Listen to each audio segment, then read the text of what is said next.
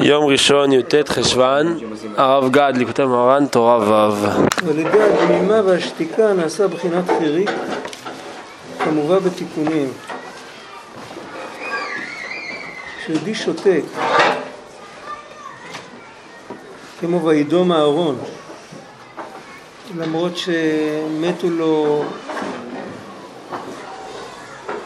שני בנים והוא קיבל את הדין והוא שתק, זה אופן אחד של שתיקה. יש אופן אחד של שתיקה של הנעלבים ואינם עולבים, שומעים חרפתם ואינם משיבים, ועוד אופן של שתיקה.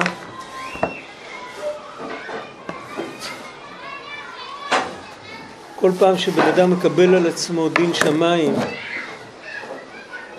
כל פעם שיהודי מקבל איסורים באהבה זה גם עניין של שתיקה. וזה העבודה של הנקודה התחתונה, אז הוא נעשה בחינת חיריק. זאת אומרת, זה הכנעה.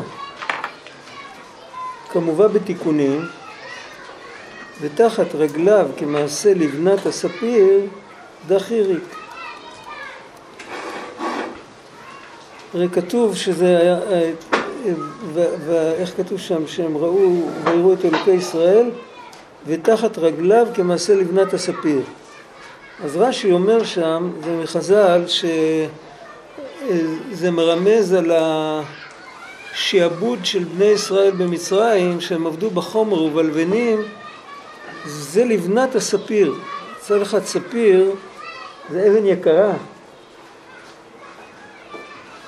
אבן יקרה ומהירה, ב, ב, יוצא מן הכלל, משהו בהיר, ספיר גזרתם, שכתוב באיכה, אז הוא בא לתאר מעלה גדולה.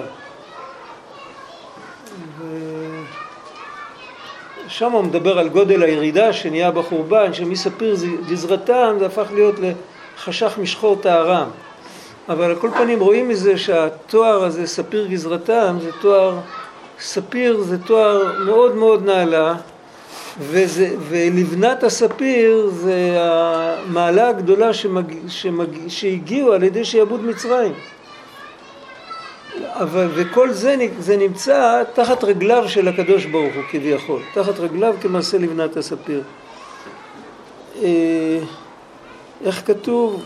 השמיים כסאי והארץ אדום רגליי. הארץ זה תמיד הנקודה התחתונה, הארץ זה משל על בחינת המלכות. יש, יש לזה סיבה למה בדיוק הארץ זה משל, אבל בוא, בוא לא ניכנס עכשיו לשבילים צדדיים.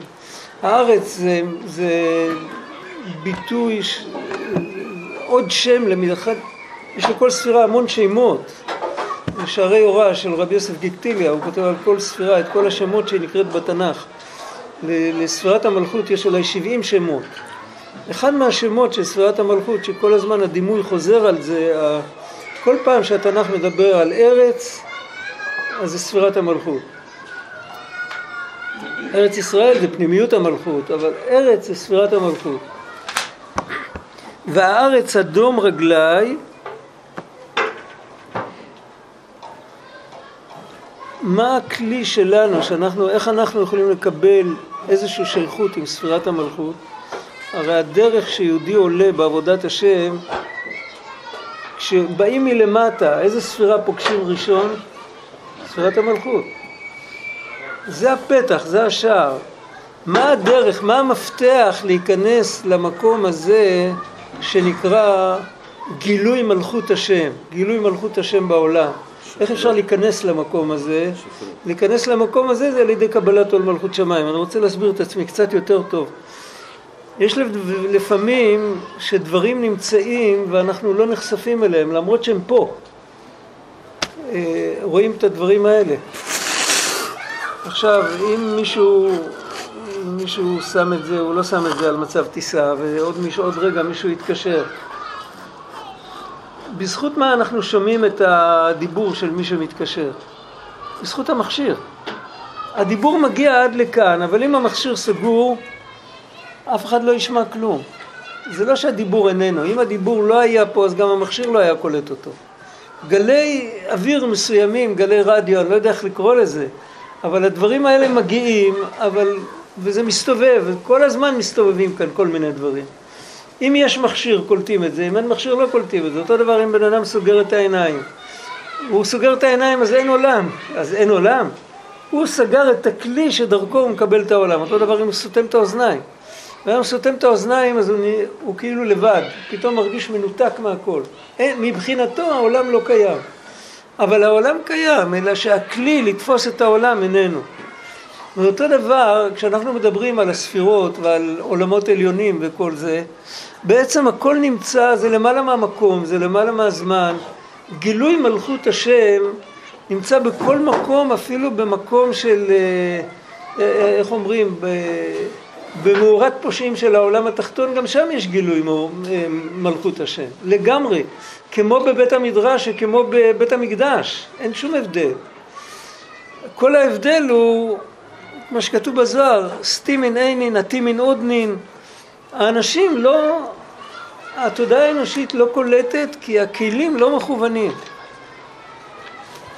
לכוון את הכלי שיוכל, נגיד לכוון את הכלי לקבל את חסד השם, להרגיש השם אוהב אותנו, זה חסדו יתברך.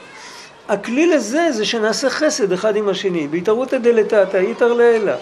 אז זה לא שזה איתר לעילא, מלמעלה נותנים כל הזמן, מלמעלה, איך כתוב? משמיא מיה ויהווה ומשקל לא שקלה. כל הזמן נותנים. אנחנו צריכים לתת, ואז אנחנו פותחים את האוזן ואת העין שרואה ושומעת שנותנים לנו. כי הרי נותנים לנו כל הזמן, אנחנו פשוט לא שמים לב. אם בן אדם מסתכל פעם בסידור טוב טוב בברכות אה, השחר, אז הוא יראה כמה נותנים לו. מוציאים אותו מגדר של אה, אבן ודומם לגדר של, של אדם, ממש, עם כל הברכות האלה רואים, בלי, בלי עזרה מלמעלה הוא לא היה זה ולא היה זה ולא היה זה, נותנים לו כל הזמן, כל טוב. הבן אדם בכלל לא חושב שנותנים לו, זה אני. מי נתנו לי? מה אני חייב? אני חייב משהו? למה אם הוא אומר לי משהו אני צריך לשמוע בקולו? אבל באיזה כוח אתה אומר את המילים האלה גופה? הוא נתן לך כוח להגיד את זה, למה אני צריך לשמוע בקולו? זאת אומרת שכל זמן שלא פותחים את הכלי, אז לא, הכל חולף ועובר והבן אדם לא יודע. בן אדם לא יודע בכלום. וזה הזוהר מתכוון כשהוא אומר עתימין עינין וסתימין עודנין וכל זה, הכל סגור. אז עכשיו הדרך של האדם להיכנס למקום הזה, זה קודם כל להיכנס לספירת המלכות, זאת אומרת שהדבר הראשון שהוא צריך לקבל זה אמונה שלמה בזה שהשם הוא מלך. המשמעות שהשם הוא מלך, זה מלך אמיתי.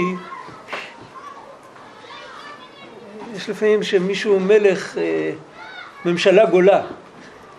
במלחמת העולם השנייה, אחרי שהנאצים החריבו את פולין, היה בלונדון אה, ממשלה פולנית גולה, כל יום שרו את ההמנון והורידו את הדגל והם היו, אה, כל הטריטוריה הפולנית הייתה איזה קומה באיזה בית גדול, קומה אחת היה, כל פולין. אוי ואבוי לנו אם זה נקרא, אם זה מלוכה. מלוכה אמיתית זה ששומעים בקול המלך בפינה הכי מרוחקת של המדינה שלו, בפריפריה הכי רחוקה. אם אומרים המלך אמר, אז כולם נעמדים. זה מלך. והמציאות של לקבל את העובדה שהשם הוא מלך, לקבל את המלכות, זה אמונה שלמה שהדברים הכי קטנים נעשים בהשגחה פרטית. וכל הנושא של דמימה ושתיקה מבוסס על האמונה הזאת. ששום דבר לא נעשה מעצמו, זה לא הרגזתי אותך, אז ביזית אותי, זה אין דברים כאלה. כל דבר מלמעלה הכניסו לך את כל הדיבורים בפה. אתה היית צריך לנדב, לא לנדב את הפרויקט, לתת למישהו אחר שיבזה אותי. ואז מישהו אחר היה, מת, היה מתנדב לבצע את זה, בסדר. אבל אחרי ככלות הכל, אחרי שזה קרה, אז זה הכל מלמעלה, הכל בהשגחה, הכל מושגח והכל בדיוק על הגרם ועל המילימטר, לא פחות ולא יותר. זה אמונה, זה המשמעות של לפתח כלי שנותן לנו להרגיש את המלכות. לקבל על עצמנו את מלכות השם, שאנחנו נמצאים בפריפריה הכי רחוקה, בעולם הגשמי הכי רחוק, עולם העשייה, והקדוש ברוך הוא מלך על כל הפרטי פרטים. ובן אדם שיש לו את האמונה הזאת, אז פשיטא שהוא מקבל איסורים באהבה, ופשיטא שיש אצלו העניין של וידום אהרון, ופשיטא שיש לו ישמע בזיונה וידום ואשתו, כמו שאומרים חרפתם ואינם, ואפילו סתם ככה, כל הטרטורים וכל ה, הקושיים של החיים, הקדוש ברוך הוא ככה מנהיג את העולם, ככה צריך להיות, עכשיו אני צריך להיות פה. זהו, זה עבודה קשה, אבל זה אמונה. קודם כל צריך לקבל את האמונה, האמונה שמלכותו בכל משלה.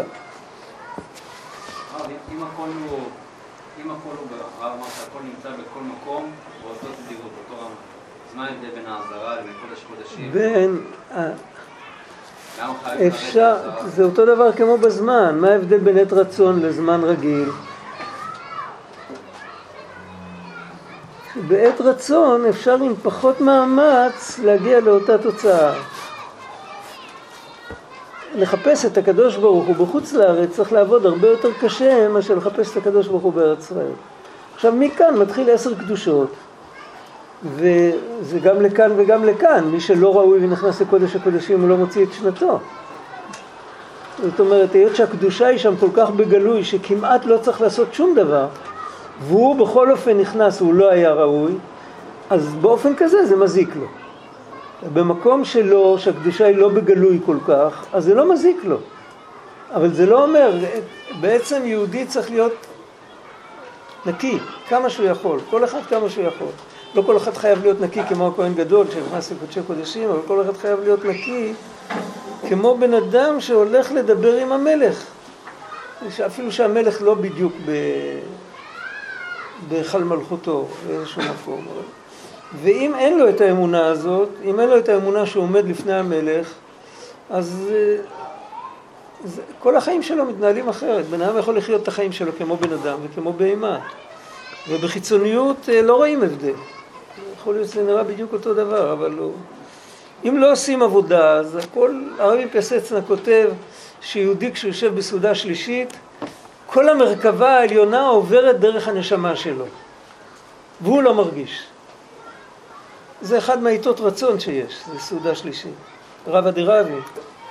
כותב, כל המרכבה העליונה עוברת דרך הנשמה שלו והבן אדם לא מרגיש. אבל עצם זה שהוא קורא את זה בספר, אז יכול להיות שבפעם הבאה, אם הוא יבוא עם אמונה, אז יכול להיות שמשהו ייפתח לו.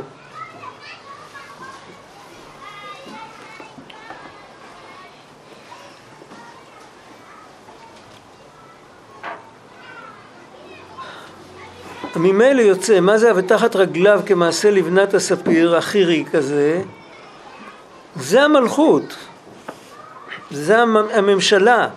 כשאתה רואה את הלבנה שבני ישראל השתעבדו במצרים, רש"י מביא, זה היה לפניו בשעת השעבוד, ואתה מסתכל על זה ואתה אומר, זה האדום רגליים של מלך מלכי המלכים הקדוש ברוך הוא, למרות שלי זה נראה לא נאה ולא יאה, בני חם משעבדים את בני אברהם, יצחק ויעקב, זה לא צודק, אבל ככה, זה ההנהגה של השם, ככה השם רוצה. ותחת רגליו כמעשה לבנת הספיר. וזה האות של חיריק, שאפילו מה שלמטה מטה זה, זה, זה נקודה של האלף בית, יש בזה, זה, הנקודות נותנות את החיות, אם, אם אין נקודות לא יודעים איך לקרוא את האות, האותיות הן כמו אבנים, לא זזות. זאת אומרת, אני רואה בכל דבר את החיות האלוקית, גם בחירי, גם במה שלמטה. וזה בחינת והארץ אדום רגלי, אדום, למה כתוב שם הלשון אדום? אדום זה בחינת דמימה, וזה בחינת נקודה תחתונה של תמונת א'.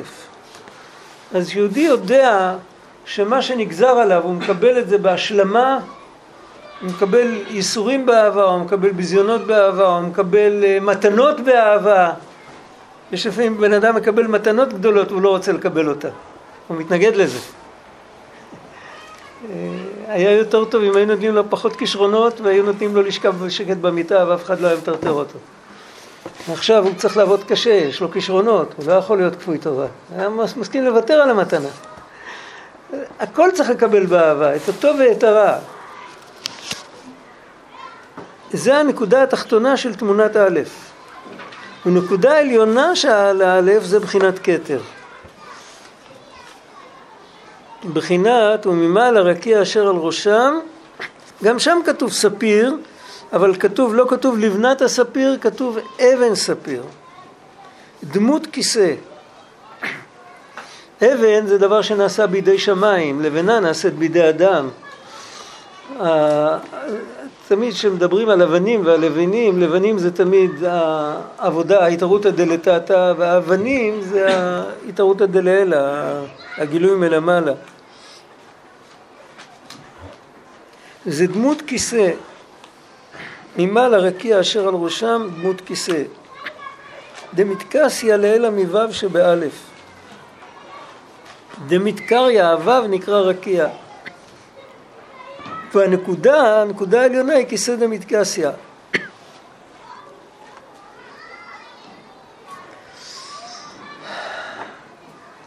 פה צריך להבין, זה מאוד מאוד מורכב הדבר הזה.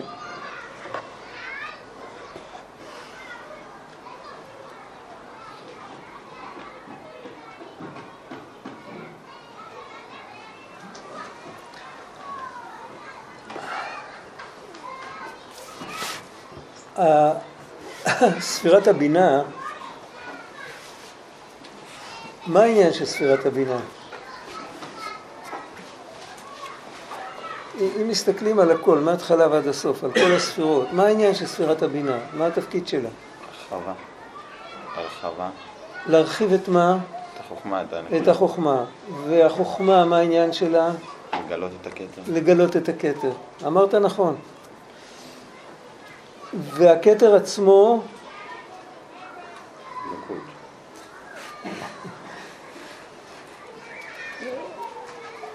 אבל הכתר זה הגילוי, זה, הכתר זה הרצון של הקדוש ברוך הוא שבכלל משהו יתרחש. כן? והחוכמה זה התחלת הגילוי, כבר מתחיל להתרחש משהו. מה מתרחש? זה מתרחש משהו, כאילו, כאילו הפרינציפ כבר התגלה. הנקודה, הנקודה של העניין. אבל העניין עצמו עוד לא קיבל גוון, עוד לא קיבל... השורש של החיות של כל העולמות נמצא בספירת החוכמה של האצילות. נקודת החוכמה כוללת בתוכה תמצית של כל מה שמעליה ותמצית של כל מה שמתחתיה.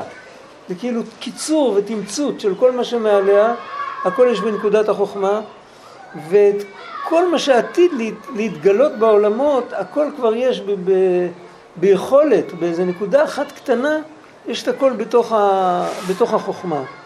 עכשיו זה צריך לקבל איזה ציור, והציור הזה נמצא בספירת הבינה, ואחר כך מתחיל השתלשלות של מידות, חסד, גבורה, תפארת. עכשיו כל זה מהכתר זה הכל אה, פנייה שהשם יתברך פונה אל העולם. איך כתוב בירמיהו אין פניי אל העם הזה שלח מעל פניי ויצאו. אה, לא, כתוב שם אין נפשי אל העם הזה, שלח מעל פניי ויצאו. נפשי זה הכוונה רצוני, ככה המפרשים מסבירים. אם יש את נפשכם, פרשת שבוע, אז יש את רצונכם. אז הנפש זה הרצון, אין נפשי אל העם הזה, אני לא רוצה אותי, שלח מעל פניי ויצאו. הרצון וה, וה, והמחשבה אודות העולם והבינה, ההתבוננות, ה, זה הכל פנייה שהקדוש ברוך הוא פונה אלינו. רק בפנייה הזאת יש שתי דרגות שונות. אה, בליקוטי מהר"ן הוא מביא מקום אחד משל בתורה ל"ד, לא זוכר. כמו אה, שיש אהבה שהשם אוהב את בני ישראל כמו שאבא אוהב את הבן שלו, וזה כתוב בפסוקים, ויש אהבה שהשם אוהב את עם ישראל כמו שאבא אוהב את הבן שלו לפני שהוא נולד. איזה תורה זה? גם לא זוכר. מה? שזה בתניא. בתניא כתוב שהשורש של כל נשמות ישראל לא כתוב על האהבה. של ה... מה? ש- לא כתוב שם, נראה לי כתוב על האהבה שהאב אוהב את בנו שהוא כלול במוחו. יכול להיות, אני לא זוכר. לא ראינו מן הראייה, אני, אני לא זוכר שלא, אני לא זוכר שכן, אני גם לא זוכר שלא. זה. לזכור שזה לא כתוב, צריך לדעת ממש את הכל בעל פה, זה אני לא יודע. נזכור על משהו שלא כתוב. כתוב שם אבל, כתוב משהו, פה כתוב משהו כזה. בוא נחשוב רגע, דיברנו פעם על חיוך שאבא מחייך לילד. זוכרים שדיברנו על זה? מי זוכר? כן, ל"ג, תורה ל"ג. בל"ג. חיוך שאבא מחייך לילד. והילד רואה את החיוך. עכשיו תחשבו שהאבא מחייך אל ילד שעוד לא נולד. יכול להיות דבר כזה? לא יודע, הוא מתאר לעצמו, זה כתוב, כתוב, הלשון הזה כתוב במדרש, לא בדיוק את הלשון הזה, אבל כתוב שבמי נמלח בנשמותיהם של צדיקים, זה עוד היה לפני בריאת העולם, הוא נמלח איתם אם לברוא את העולם או לא, אז המפרשים מסבירים מה פירוש שהוא נמלח איתם, מה, מה, הוא התייעץ איתם, כתוב גם שהוא התייעץ עם המלאכים, הם אמרו לו לא לברוא, הוא התייעץ עם הצדיקים, אז הם אמרו לו כן לברוא, מה זה כל העניין הזה של ההתייעצות?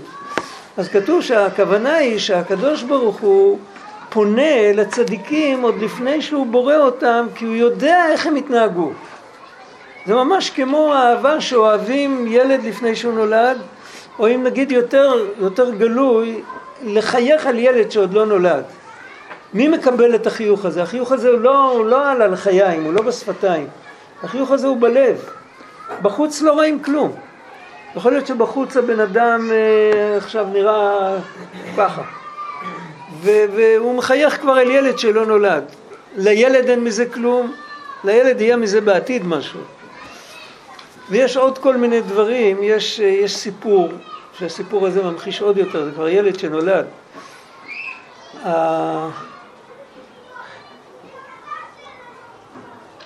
שהיה שבעה על האדמו"ר הרייץ, שהוא נפטר, תש"י. אז הרבי סיפר כמה סיפורים, ורשמו אותם. והוא סיפר שמתי שהאדמו"ר הרייץ היה תינוק בגל... בעריסה, היה ממש תינוק, אז האבא שלו ישב בחדר ולמד חברותה עם אחד מה... מישהו, היה שם מישהו גדול, שהם למדו חברותה, לא יודע בדיוק מי זה היה. רבי יעקב מוישה קראו לו, לא משנה, רבי יעקב מאיר, לא זוכר. הם למדו ביחד. ו... ואז אה, הם גמרו ללמוד, אה, ניגשו למיטה של הילד, התינוק היה, היה לו מאור פנים מאוד מיוחד. אז הוא אמר, החברותא נדמה לי, אמר שזה מראה על טהרת המחשבה, כתוב שם וכולו, כנראה שהוא מדבר על טהרת המחשבה בזמן הזיווג. אז, אז האבא רצה לתת נשיקה לילד, הילד ישן, האבא רצה לתת נשיקה לילד והוא החליט, כרגע ככה, דקה אחרי שעלה לו המחשבה הזאת, הוא החליט שהוא יחליף את זה על, על תורה. וכשהוא גדל, הוא, הוא קרא לו ואמר לו איזה תורה, והוא אמר לו, זה נשיקה, התורה הזאת היא נשיקה, כשתגדל אני אספר לך. ואחרי שהוא גדל עוד יותר, הוא כבר היה בן, אני לא יודע בן כמה, 15, אני לא יודע, מתי שהוא גדל לגמרי, אז הוא סיפר לו מה, מה זה היה הסיפור הזה, שהתורה הזאת הייתה נשיקה. עכשיו, תסתכלו, יש כאן, המש... הסיפור הזה עצמו הוא משל נפלא להבין הרבה דברים בהשתלשלות. של אה, כאילו אה, להתעורר לתת את הנשיקה זה דרגה אחת. דרגה שנייה זה להחליף אותה על משהו אחר, ובילד שוכב ישן והוא לא... בסוף הוא מקבל דברים אחרי שעובר זמן, זאת אומרת אחרי שעובר זמן זה בנמשל זה אחרי שזה יורד לעוד עולם ועוד עולם ועוד עולם ומצטמצם עד כדי כך שאנחנו יכולים לקבל, אז אה, נהיה מזה כל מיני גילויים עליונים, נהיה מזה נבואה ורוח הקודש והשגות עליונות ולא יודע מה. בשורש זה משהו מאוד עדין, שאפשר לבטא את זה בהמון צורות, ובסוף מחליטים לבטא את זה בצורה כזאת ולא בצורה אחרת. אבל בינתיים הילד לא מקבל מזה כלום, אין לו בזה שום השגה. כשהוא גודל, אז הוא מקבל משהו שהוא מבין קצת, אחרי שהוא גודל עוד יותר הוא מקבל עוד משהו, הוא מבין יותר, אבל עד הסוף הוא לא יכול להבין אף פעם. אז יש בחינה כזאת, הבחינה הזאת נמצאת בעיקר, היא נמצאת בעולם הבינה. שמצד אחד זה כבר בינה, כתוב בזוהר, בינה צייר הציורים, בבינה יש כבר פרטים, בבינה, בבינה יש כבר את התמונה של העולמות, של העולם איכשהו, אבל עדיין זה לא ממש פנייה אל העולם, העולם לא מקבל מזה כלום. זה כמו שאתה חושב ואתה שותק. ואתה יושב מולי ואתה חושב, ואתה חושב עליי, ואתה יודע בדיוק מה אתה רוצה לעשות ממני, ואין לי מושג, אני לא מקבל מזה כלום. שום דבר. מה שאין כן, מתי שבן אדם מקבל, יורד, זה יורד אצל, אצלנו, אצל בני אדם, זה יורד מהבינה, זה יורד ל, ללב, יורד למקום יותר נמוך, אז כבר מתחיל לזוז, זה כבר מתחיל להיות כמו, זה מתחיל להיות כבר כמו חיוך שהילד רואה אותו, או נשיקה שהילד מקבל אותה, זה ברור, זה, זה, יש כאן שני דברים, שני מערכות. המערכת של הבינה יחסית למערכת של המידות היא, היא מקיף, היא כתר. למרות שזה לא, זה לא כתר, זה בינה, יש שם, יש שם ציורים, אבל יחסית למידות זה כתר, אבל לשון של הקבלה זה נקרא שהתפארת של הבינה, יש בתוך הבינה הרי עשר ספירות, התפארת של הבינה היא הופכת להיות הכתר של המידות, של הזעיר אנפין. תפארת דימה נעשה כתר לזה, כך כתוב. והכתר הזה הוא נקרא כיסא לשון כיסוי. מה פירוש כיסא לשון כיסוי? בכיסא יש שני דברים הפוכים. בן אדם עומד ליד כיסא, הראש שלו גבוה, כשהוא מתיישב, הראש שלו נחת. כיסא זה לשון ירידה. מצד שני, אבל אם מישהו שוכב למטה מתחת לכיסא, אז הכיסא מסתיר עליו והוא לא רואה כלום, הוא לא יודע מי יושב על הכיסא. הוא לא מכיר אותו. הוא רואה פלטה. כמו, ה... איך, איך כתוב שם, ים של שלמה שהוא עשה בבית המקדש, עומד על 12 בקר, כתוב שזה משל על 12 בקר, זה י"ב גבולי אלכסון בעולם הבריאה. לא יודע בדיוק מה זה, אבל על כל פנים הי"ב בקר האלה והים שעשה שלמה מרמז על מלכות האצילות, אתה עומד למטה אז אתה רואה פלטה של נחושת, אתה לא רואה כלום. למעלה יש ים, יש שם כהנים מקדשים את הידיים, יש שם סיפור שלם, יש מים. מלמטה אתה לא רואה שום דבר, אתה לא יודע, לא יודע מה יש שם. אותו דבר עצמו, שלמעלה הוא כלי, הוא מקבל אל תוכו שפע, והוא סך הכל כלי. לגבי מה שלמטה ממנו, הוא דבר שהוא למעלה מהשגה. זה כמו שבן אדם מדבר כבר, אבל הוא מדבר בשפה שאנחנו לא מבינים אותה. הוא מדבר גבוה מדי, לא שום. שפה שלא מבינים זה לא נקרא. אבל הוא מדבר גבוה מדי ואנחנו לא יכולים להבין מה הוא מדבר. למרות שהוא כן מדבר, אבל אנחנו לא מבינים מה הוא אומר. זה שהבינה היא כתר לידה? זה שתפארת דבינה היא כתר לידה? התפארת של הבינה היא הופכת להיות הכתר של אנפין. יש לזה כמה משלים, ואני לא רוצה להיכנס יותר מדי כל פעם לשבילים צדדיים כאלה, בדיוק להסביר למה זה, אבל על כל פנים, הבינה יחסית לזעיר אנפין זה כמו כתר. ממילא, אז יש כאן שתי משמעויות בכיסא. הכיסא מצד אחד זה הכיסא שכביכול השם מתיישב עליו, זאת אומרת הוא יורד אלינו, הוא יורד, הוא יורד מהכתר ומהחוכמה, הוא יורד אל הבינה, ואז הוא כבר פונה אלינו, אבל הוא פונה אלינו בתוך עצמו, הוא לא פונה אלינו שאנחנו נראה. וכש... ואנחנו נמצאים מתחת לכיסא, אנחנו רואים רק את הכיסא, הכיסא מסתיר לנו את הגילוי אלוקות. אחר כך כשמדברים על מידות, אז זה כבר סיפור אחר לגמרי. מידות זה כבר כמחבק את המלך. זה כבר שהקדוש ברוך הוא כמו מלך שיושב באמת, הוא יושב, ממשיך לשבת על הכיסא, אבל הוא קורא את העבדים והוא מדבר איתם.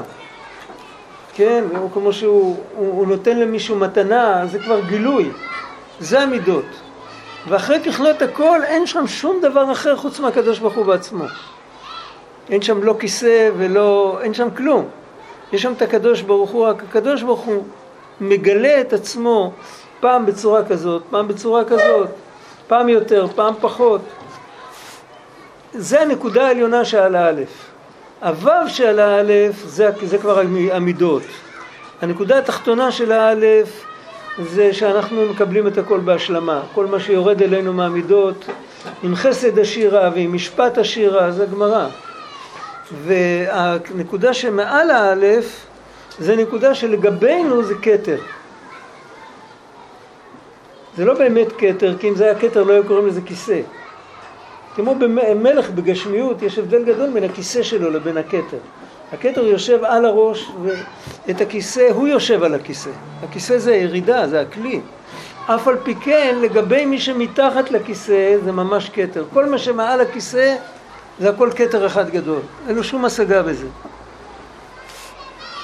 מה זה בעבודה שלנו? בעבודה שלנו זה עבודה של הסבלנות.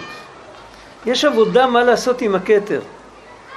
זה כתוב בגמרא, מסכת חגיגה, הגמרא מביאה מבן סירה נדמה לי. במופלא ממך אל תדרוש ובמכוסה ממך אל תחקור, הוא מביא את זה פה. זה עבודה שכשאנחנו עומדים מול גילוי כזה, מול, עומדים מול נפלאות. אה, כל בן אדם בחיים שלו פוגש כמה דברים שהוא לא מבין. אנחנו כל הזמן פוגשים דברים שאנחנו לא מבינים. בדרך כלל כשמקבלים דברים טובים אז אה, לא כל כך שמים לב שלא מבינים, זה מתקבל לנו טוב מאוד ככה. אבל כשפוגשים דברים שהם פחות טובים אז אה, למה? אבל למה? אנחנו שואלים למה. כאילו לשם מה? מדוע? לשם מה? והסבלנות, וה, כאילו, ה, לעמוד במקום עם דרך ארץ ולהגיד כרגע לא מספרים לי למה, כך יאה וכך נאה לי וכך צריך להיות ואני לא תוקע את עצמי יותר מדי בחוזק על הדבר הזה, אני לא דוחק את הקץ, אז זה העבודה שיש במדרגות כאלה של כתר. לעמוד עם דרך ארץ, לעמוד אה, כאילו, מותר לבקש, מותר להתחנן, אבל אסור להיות קצר רוח. אסור לאבד את הסבלנות. וכאילו... זה בפסוק כתוב, בחבקוק, אם יתמהמה חכה לו כי בוא יבוא ולא יאחר. זה בעצם סתירה מרישא לסיפא. אם יתמהמה חכה לו, אז אפילו אם הוא כן יאחר. אומרים לך תחכה לו כי הוא לא יאחר. אז הרי אתה מכניס התניה פה, בגלל שהוא לא יאחר לכן אתה מחכה לו. אז אתה לא באמת מחכה. הפשט הוא שזה עצמו, אם אין לנו סבלנות לחכות, זה עצמו מרחיק את העניין. בן אדם שרוצה את הכל עכשיו, סימן שהוא לא ראוי שיקבל. כי אם הוא רוצה את הכל עכשיו, אז הוא ילד קטן. אין לו מוחין, ואז הוא לא ראוי שייתנו לו. זה, זה יהרוס אותו, זה יקלקל אותו. אבל אם הוא מתמהמה, ואם הוא יודע את הגבולות שלו, הוא יודע לא לדרוש ולא לא לדפוק על השולחן, אז ממילא הוא כבר יש לו מוחין דגדלות, אז, אז, אז באמת לא יאחר, אז אפשר לתת לו. זה ברור. וכאילו לעמוד נגיד בהפלאה מול משהו, אבל לא, לא לנסות ל... לא לנסות להכריח את עצמי להבין היום מה שאני יכול להבין רק מחר. יש דברים, הכלל הוא תמיד, זה לא רק בהבנה, זה גם במאמץ. ביידיש היו אומרים, אה, היה כל מיני משלים כאלה, מצחיקים, שבן אדם הולך לרופא, הרופא אומר לו, תשמע, אתה צריך לעלות במשקל, אתה סובל מחוסר משקל, בסדר, הוא הולך הביתה, נוטל ידיים, אוכל סנדוויץ', מיד שנייה אחרי זה עולה על המשקל לראות כמה הוא עלה. זה תהליך, זה ייקח לך חודש. אותו דבר אחד שצריך לרדת במשקל, אותו דבר אחד שצריך לעשות כושר. בגשמיות אנחנו יודעים שכל דבר לוקח זמן, ואם רוצים להיות למעלה מהזמן, היום קלקלו לנו את המוח עם המכשירים האלה, שעם לחיצה אתה בסין, אני לא יודע איפה אתה. אז כאילו לקחו לנו את הסבלנות הטבעית, אז אדרבה, אז סימן, הקדוש ברוך הוא מאתגר אותנו ש, שהסבלנות תהיה עבודה יותר קשה. ואז יכול להיות שעם פחות סבלנות, היות שזה קשה, אז אפשר להשיג מה שהשיגו פעם עם הרבה סבלנות. זה הכל לטובה. אבל על כל פנים צריך סבלנות. חלק גדול מעבודת השם זה הסבלנות. יש על זה הרבה הרבה פסוקים, הרבה מאמרי חז"ל, אני פשוט כרגע לא, לא עולה לי שום דבר, אבל אי אפשר לרוץ קדימה בלי... זה יוצא מאוד, מאוד דומה לעבודה של המלכות. בעניין הזה כן, אבל במלכות הנקודה מתוך אמונה הוא מאמין שהכל בא בהשגחה. ופה בעבודה, ב, ב, בעמידה מול הכתר זה לא כל כך נוגע שזה בהשגחה, אלא זה נוגע של להיות מכיר את מקומו. פשוט אני עדיין לא במדרגה הזאת שאני יכול להבין את הדברים האלה. הרמ"א כותב, אל תחשוב במקום הזה כלל, אמנם המתן עד שיתפשט ואז תוכל, אה, תוכל להבין בו או משהו כזה. לדבר בו, אז תוכל לדבר בו. אל תחשוב במקום הזה כלל, המקום הזה זה כולל גם את המקום שעליו אתה חושב וגם את המקום שעליו אתה עומד. כשאתה במקום הזה, אל תחשוב על המקום ההוא. זה כפל משמעות שם. אל תחשוב במקום הזה כלל, ואל תחשוב במקום הזה כלל. זה ברור. נכון. אתה חושב על הכתר ואתה לא מבין. אמרו לך, תשמע, אתה במקום כזה שאתה והכתר לא הולך ביחד. אז עכשיו אל תחשוב על זה. אבל אם יהיה לך סבלנות, אז או שהכתר יתפשט אליך, או שאתה תעלה בדרגה, אתם תיפגשו באיזשהו מקום, אולי רק לעתיד לבוא, אולי אחרי 120 שנה, לא משנה, אבל עם סבלנות. בלי סבלנות, הרבה פעמים בן אדם, איפה זה כתוב? זה כתוב מתן תורה, וה, והעם אל ירסו לעלות אל השם. אתה, משה מחיצה לעצמו, ואהרון מחיצה לעצמו, והכהנים והעם אל ירסו כל, כל עיקר, רש"י מביא את זה. אם לא שומרים על הכלל הזה, זה הריסה. ככה, ככה הפסוק הזה, אל תיהרסו לה, במקום לתקן אז הורסים. בן אדם שהולך כאילו בלי, בלי, הוא לא מכיר את המגבלות שלו, אז הוא הורס את הכלים שלו. זה כמו להסתכל על השמש, בלי זכוכית שחורה. אז uh, בסוף נהיה לגמרי חושך, לא רואים שום דבר.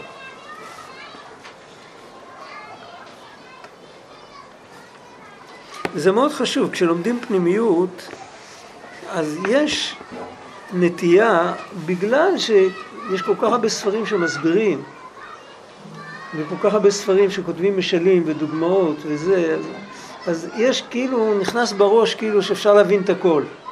ואז כל דבר שלא מבינים, זה מתחיל לעצבן פתאום. אבל זה לא נכון שאפשר להבין את הכל.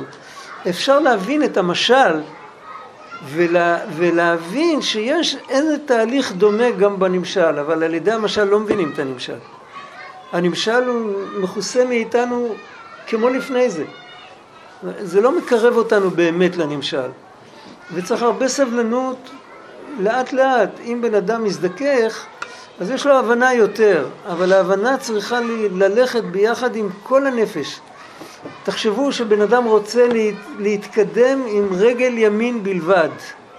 הוא צריך להגיע לאיזה מקום שמרוחק עשר קילומטר מכאן, הוא רוצה ללכת רק עם רגל ימין, רגל שמאל הוא רוצה להשאיר אחורה, זה אפשרי? אי אפשר. בן אדם רוצה להתקדם עם השכל, ואת כל המערכת הוא רוצה להשאיר בתוך הבמבה. בתוך הכסף, בתוך הכבוד, בתוך, בתוך שטויות. אי אפשר. זה הולך ביחד, זה... כל הנפש צריכה להתקדם ביחד. אז לכן צריך סבלנות. לא הבנתי מספיק מה, מה ההבדל בין העבודה, הבנתי את העבודה של הכתר, לא הבנתי מה, מה אתה מתכוון שהעבודה של המלכות היא לא אותו דבר. כשאתה עומד מול דבר שהוא למעלה מההשגה שלך בעולם העליון, הוא למעלה, אין לך דוגמה לתת עליו, ובכל אופן אומרים לך, תדע לך שזה השורש של הכל, ואתה צריך לזכור שזה מה שמקיף עליך, זה האור הזה זורח עליך ואתה לא רואה אותו. זה, זה, אם תחשוב על זה, זה יוצר תחושה מסוימת בנפש, נכון? יש לך איזו תחושה של, כמו שעומדים במקום, אה, אני לא יודע, נוסעים לפולין היום, מגיעים לבית של הרבי מקוצק, מכיר, מכיר את החבר'ה האלה? יש הרבה שחוזרים בתשובה שם. מה יש שם? אין שם כלום, אתה רואה קירות, אתה לא רואה כלום, אבל אה, יש רשימו של הקדושה.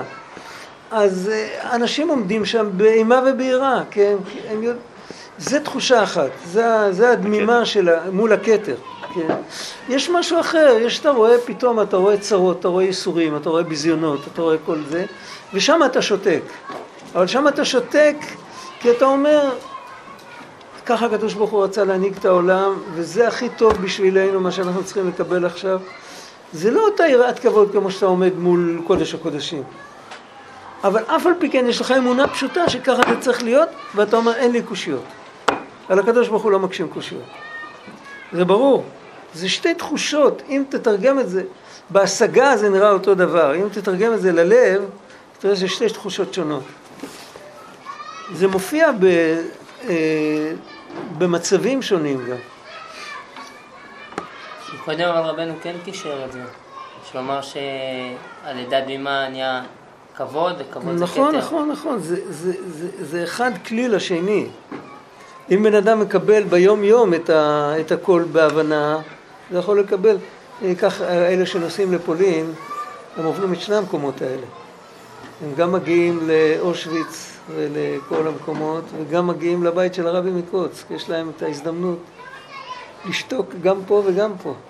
זה שני דברים שונים, אבל לשתוק פה עוזר לשתוק שם. בתשובה אני חייב את שניהם? בתשובה בעיקרון האמונה שאחרי ככלות הכל, אחרי כל הירידות שלנו, השם יתברך עדיין אוהב אותנו ועדיין מצפה לקרב אותנו ולא מתייאש מאיתנו, זה אמונה בכתר. והאמונה שכל מה שעובר עלינו עכשיו, כל הקושיים וכל זה שאני שפוט של ההרגלים שלי ואני רוצה לזוז סנטימטר ואני לא מצליח, לא חוט החלה, כתוב שם בתורות הבאות. אני לא מצליח לזוז אה, עובי של חוט השערה, אני לא מצליח לזוז. ואף על פי כן אני עדיין אה, מצפה ומקווה, זה, זה הנמוך יותר. וכמובן שזה יותר זמין לנו, זה, אנחנו חיים בתוך זה. ואם בן אדם עומד עם השתיקה הזאת, אז הוא יכול גם לקבל את השתיקה הזאת, אז יתעורר אצלו איזה, איזה תחושה עמוקה שבאמת, כן, יכול להיות שבאמת הקדוש ברוך הוא אוהב גם אותי, לא רק את היהודים המיוחדים שהוא אמר להם אהבתי אתכם אמר השם, אז זה כולל גם אותי למרבית הפלא. זה פלא גדול, האמת שככה, כל יהודי מאמין שהשם אוהב את כל היהודים, אבל אם ישאלו אותו אחד על אחד, מתי שאף אחד לא שומע, יגיד, גם אותך? זה יעשה ככה. לא חושב שאותי הוא יכול לאהוב. את כולם כן, כי אני יודע, אבל אותי אף אחד לא יודע מי אני. השם יודע. אותי הוא בטח, אני בטח מגעיל אותו. אין מה לעשות. אז זה, זה נקודה מאוד קשה. בתשובה זה למעשה, זה מה שמעכב את התשובה. אם היינו מאמינים באמונה שלמה שהשם אוהב אותנו עד הסוף, אז היינו חוזרים בתשובה לגמרי, לא היה לנו שום בעיה עם זה. זה מעכב את התשובה. ואם את זה עוברים בשלום, אז אפשר לעבור את הכל בשלום. רק הדרך להגיע לזה, זה יש, ההקדמה לזה, זה ישמע בזיונו וידום וישתוק. שבן אדם ידע שהקדוש ברוך הוא משגיח עליו עוד לפני שהוא מקבל את זה שהשם אוהב אותו, אוהב אותו כמו בן יחיד. אבל על כל פנים שהשם משגיח ודואג ועושה הכל לטובתו, זה כל אחד יכול להגיע. אם הוא, אם הוא יעבור את הפתח הזה, אז הוא גם יקבל את, ה, את התחושה שהשם באמת אוהב אותו עד הסוף. זה מדרגה יותר גבוהה. שאלה אחרונה, קבלת עול זה לא, אני, אין לי תחושה של הפלאה שאני לא מבין מה שהם רוצים ואני מקבל את העול? נגיד מול צרות. אם יש שם תחושה של הפלאה, אז מי שיש לו תחושה של הפלאה זה אשרה וטוב לו. אבל לא צריך לומר שמי שאין לו תחושה של הפלאה, עדיין אין לו קבלת עול. אתה מבין אותי? זה יכול להיות גם בלי בכלל. זה יכול להיות גם בלי התחושה של ההפלאה. קבלת עול יכול להיות ילד בן 13 שנה ויום אחד. איזה תחושה של הפלאה יש לו כבר?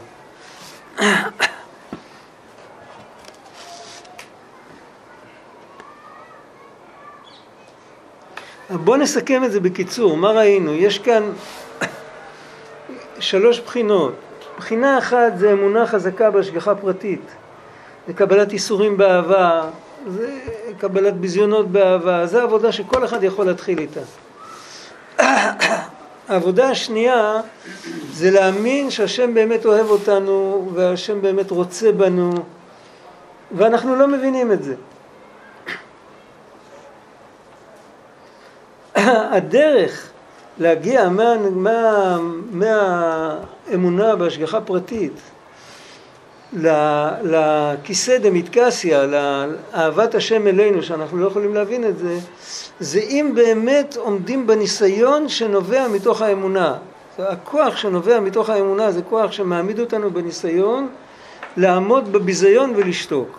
אם, אם אכן עברנו ביזיון ושתקנו, זאת אומרת, זה סימן שהיה לנו באמת את הנקודה התחתונה, על ידי זה, זה עצמו, הניסיון הזה עצמו, ששתקנו, שעמדנו בו, הוא מעלה אותנו לנקודה העליונה. אמרנו פעם הקודמת, הוו שבתוך האלף הוא, הוא כתוב באלכסון, כמו סולם.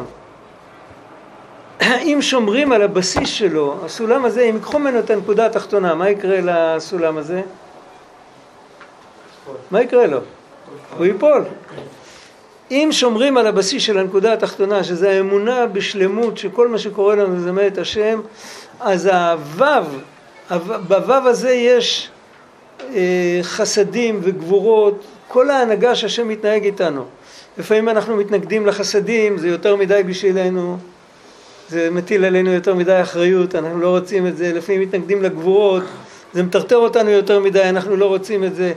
אם יש אמונה חזקה ביוד התחתונה, האלף עומדת יציב, אז כל מה שעובר עלינו הופך להיות סולם שדרכו אנחנו מתקדמים, וכל פעם שאנחנו עוד יותר חוטפים עוד משהו שאנחנו לא חפצים בעיקרו, ואנחנו מקבלים את זה, בגלל שהחזקנו בנקודה התחתונה, אז הדרך הזאת, הקו האלכסוני הזה, הופך להיות סולם שדרכו מגיעים לנקודה העליונה. ואז אפשר באמת לקבל את התחושה שאהבתי אתכם אמר השם, לא משנה איפה שאתם נמצאים, הקדוש ברוך הוא איתנו. ואז זה כבר תשובה, זה כבר תשובה הילה, זה תשובה מאהבה, זה תשובה עליונה יותר. זה פחות או יותר את הסיכום, הבנו?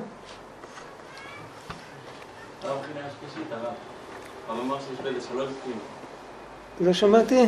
הרב אמר שיש בזה שלוש בחינות, בחינה ראשונה של אה, האמונה בהשגחה פרטית, על ידי זה הבנה שהשם יתברך אוהב אותנו. חכה, אבל יש באמצע משהו. האמונה הזאת בהשגחה פרטית היא יכולה להיות אמונה תאורטית.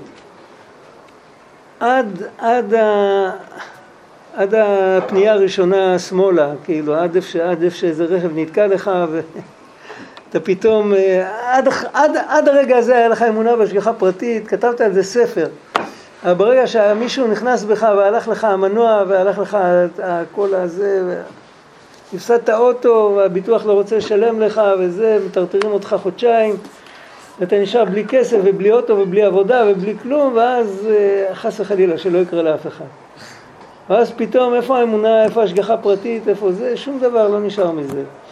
האמונה בהשגחה פרטית, אם היא מתבטאת בוו, הוו הזה זה ההנהגה של העולם, זה ההנהגה באה מהחסדים והגבורות.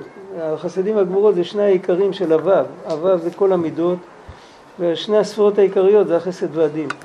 אם בן אדם עובר את ההנהגה של העולם, את הכל, ואף על פי כן הוא ממשיך להחזיק כמו שהוא החזיק קודם בנקודה התחתונה, והוא מקבל את הכל באהבה, אז על ידי זה הוא יכול להגיע לנקודה העליונה. להגיד העליונה? הנקודה העליונה זה האמונה שהשם באמת אוהב כל יהודי, התחושה, לקבל את זה כתחושה. לקבל את ה... שהקדוש ברוך הוא בעצמו פונה אלינו, אהבתי אתכם אמר השם, גם אותי, לא רק את היהודים.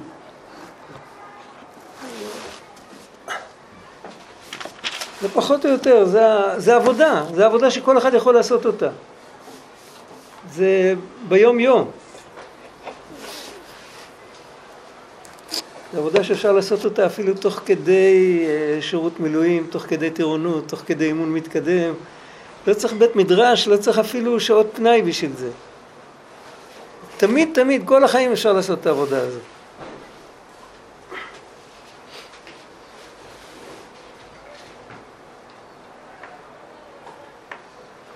ועל זה נאמר, במופלא ממך אל תדרוש, ומכוסה ממך אל תחקור, באמת להבין את זה עם השכל אי אפשר.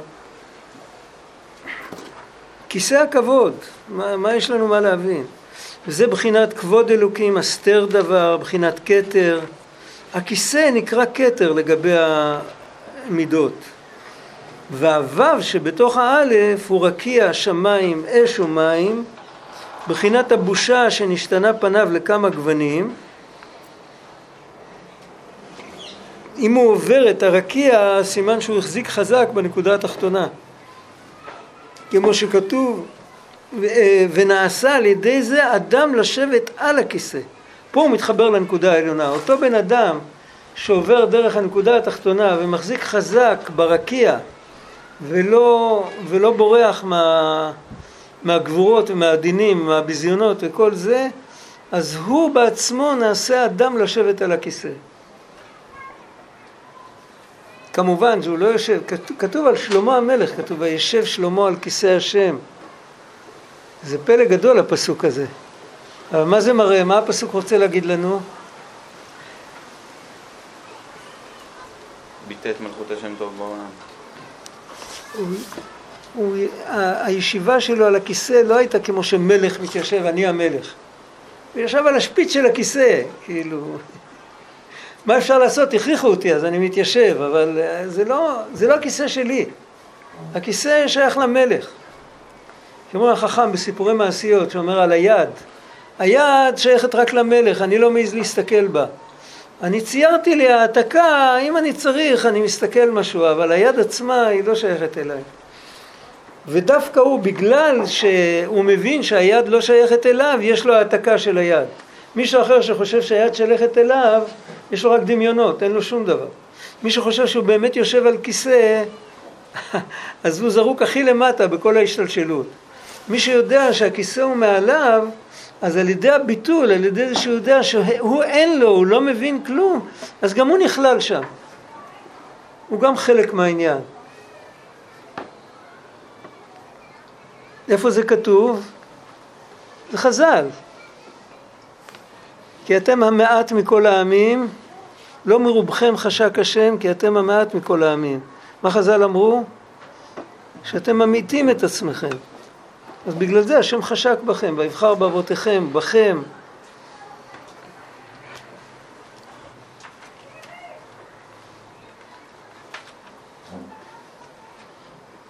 כמו שכתוב, הוא דמות כמראה אדם עליו מלמעלה. קילט אדם בלא א'. אי אפשר להיות בן אדם בלי לעשות את העבודה של האלף שדיברנו, את הנקודה התחתונה ואת הקו האלכסוני ואת הנקודה העליונה. זה מבחינת אותיות הדם, א' דם. מה זה דם? מה זה דם? דום. מה זה דם? לא מה זה דום. אה, מה זה דם? דם. דם, דם, דם, בלד. מה זה? מה המהות של הדבר הזה? אני לא שואל באיזה צבע זה, מה המהות שלו? מה? כתוב בתורה, כי הדם הוא הנפש. כי הדם הוא הנפש, זה החיות. אם בן אדם רוצה חיות דקדושה, הוא רוצה שבאמת ייפתח לו הלב, ייפתח לו המוח, הוא רוצה שיאיר בו. אהבתי אתכם אמר השם, שיאיר בו קרבת אלוקים, שיאיר בו שהוא יכול לחזור בתשובה ויכול להתקדם ויכול להתחבר. הכל זה מתחיל הוא צריך להיות בן אדם, הרי מדובר על בני אדם, אם, אה, איך כתוב שם, אה, לא בני חמורים וגמלים, זה גם מאמר חז"ל, בני אדם, הבן אדם הוא יכול להגיע לחיות הזאת אם יש לו את האלף, אם יש לו את האלף בשלמות. וזה מציאות, אפשר, תראו, אפשר ללמוד פנימיות 77 שנים וללמוד את כל המאמרים שבעולם ואת כל הסודות ואת הכל, האם בן אדם הוא עדיין אה, בתוך הדמיונות של הילדות, הוא צריך שהכל ילך לו בדיוק כמו שהוא רוצה והכל טיק טק והכל מתוקתק והכל זה, אז אה, הספרים כבודם במקומם מונח והוא יודע מהספרים כמו שהספרים יודעים ממנו, זה, זה שום דבר, הוא למד אפשר לתת לו תואר בפילוסופיה, לא יותר, או בקבלה, אבל הוא בעצמו לא קרה לו כלום. העיקר מה שבן אדם רוכש באמת חיות בעבודת השם, זה ודאי שזה בא מפי ספרים או מפי סופרים וכל זה, אבל הכלי לקבל את החיות, לא רק את השכל, לקבל את החיות זה העבודה הזאת שאנחנו מדברים עליה. העבודה הזאת של ההכנעה, של הקבלה, ושל הידיעה שדברים, מה שמעל מעל השכל שלנו, אנחנו צריכים לעמוד עם דרך ארץ, לעמוד מול זה באימה, ולא לנסות בכוח להבין את מה שלא ניתן להבין. ואת מה שרואים בשטח, לקבל את זה כי ככה השם רוצה. זה, זה שתי העבודות שיש לנו באלף, וכשמקבלים את זה, מקבלים חיות חדשה לגמרי. כל הבן אדם עובר פאזה. הוא כמו, הוא יוצא מהגן ילדים, מתחיל להיכנס לישיבה. הוא משתנה מבפנים. הבן אדם שהוא מפונק, והוא קצר רוח, וכל מה ש... איך כתוב בקהלת? כל אשר שאלו עיניי, לא עצלתי מהם. בן אדם כזה לא יכול באמת לעבוד את השם, הוא עובד את עצמו. הוא לא עובד את השם, אין לו חיות אמיתית. יש לו חיות, כי אני יודע מה, כל מיני דברים חיצוניים שנותנים לבן אדם חיות, אבל חיות אמיתית בעבודת השם יש רק מתי שמתמסרים לגמרי להשם יתברך. וזה הפתח להבין את כל הקושיים של החיים. חז"ל אמרו על אה, אה, וירא אלוקים את כל אשר עשה והנה טוב מאוד. וחז"ל אמרו טוב זה מלאך טוב, מאוד זה מלאך רע, ויש גרסה מאוד זה מלאך המוות. וירא אלוקים את כל אשר עשה, שפת אמת אומר, כשמסתכלים על הכל, אז גם למלאך המוות יש מקום, וגם אם בן אדם יש לו הסתכלות, איך אנחנו בן אדם קטן, מי שעומד שם על, ה, על המגדל, כמו שכתוב במסילת ישרים, הוא רואה את הכל. אנחנו לא חכמים, אנחנו למטה. ואיך אנחנו יכולים להסתכל על הכל? אנחנו מסתכלים על הכל לא דרך העיניים שלנו, אנחנו, השם רואה את הכל. השם רואה שהכל לטובה. אז אם ניגשים בצורה כזאת, אז יש מקום גם למלאך המוות. מה, מה פירוש מלאך המוות? יש מקום לכל הצרות, לכל האיסורים, לכל ה... אפילו אם בן אדם הוא במוחין דקטנות שבקטנות, וכל החיות שלו זה רק הפידבק ורק זה שמכבדים אותו. ויום בהיר אחד הוא חטף ביזיון, תחשבו על דבר כזה. שכל המציאות שלו זה רק זה שמתייחסים אליו יפה, והוא חוטף את הביזיון. אז כאילו הרגו אותו, נכון?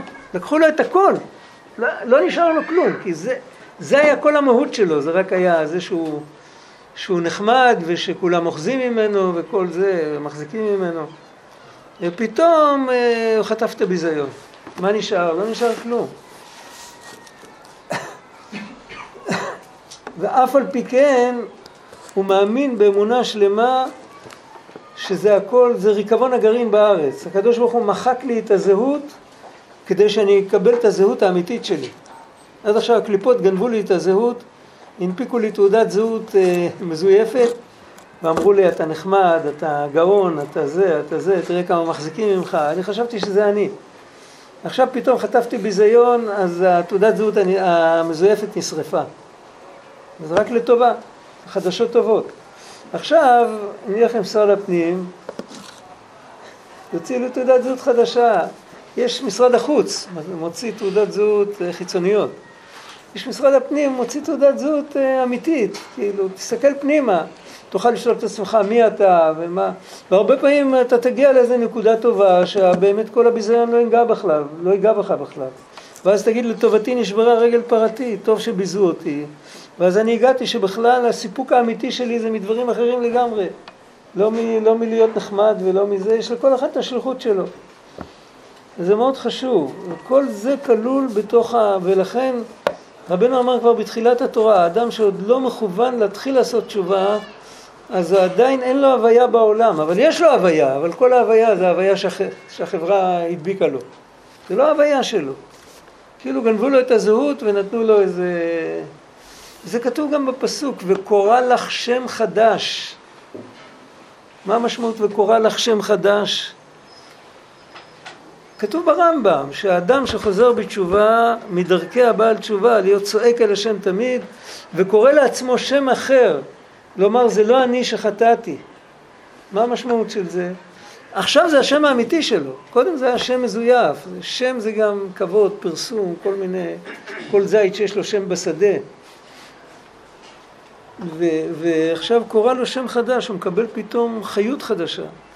זה נקרא, אין אדם בלי א', בלי ד, אין אדם בלי א', רק דם לבד בלי א', זה לא, זה לא מספיק.